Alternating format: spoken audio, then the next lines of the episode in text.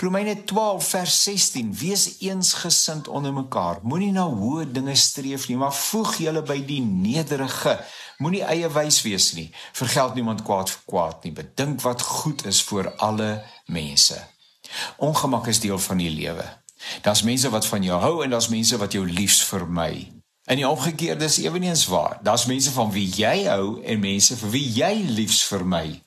Sommige is meer ingestel op verhoudings, vertrou makliker en verwelkom mense in hulle spasie. Ander is inkennig, privaat, wantrouerig en gereserveerd.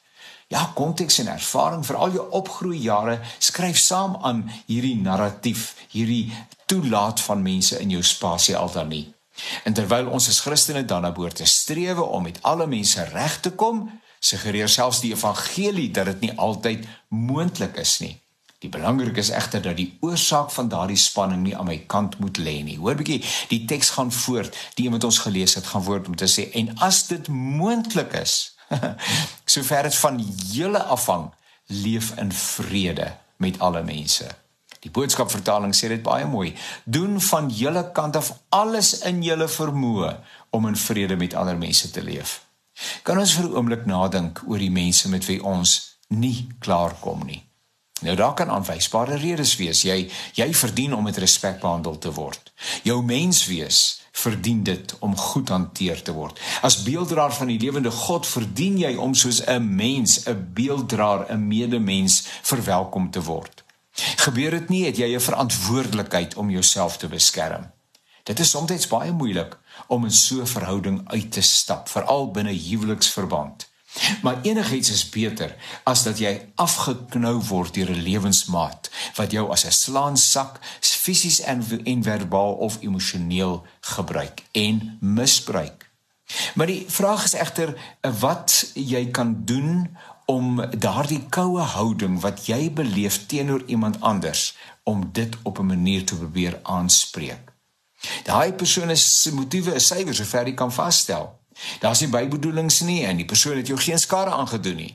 Uh maar, maar jy kom nie met die persoon klaar nie. Nou dan is dit tyd om navraag te doen by jouself.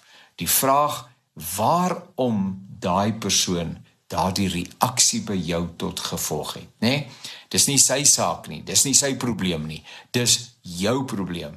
En jy kan saam met die Here op weg gaan, op 'n reis gaan en sê Here, maar hoekom? Maak en het hierdie persoon hierdie gevolg, hierdie belewenis, hierdie reaksie by my ehm um, hoekom skep hy hierdie reaksie by my?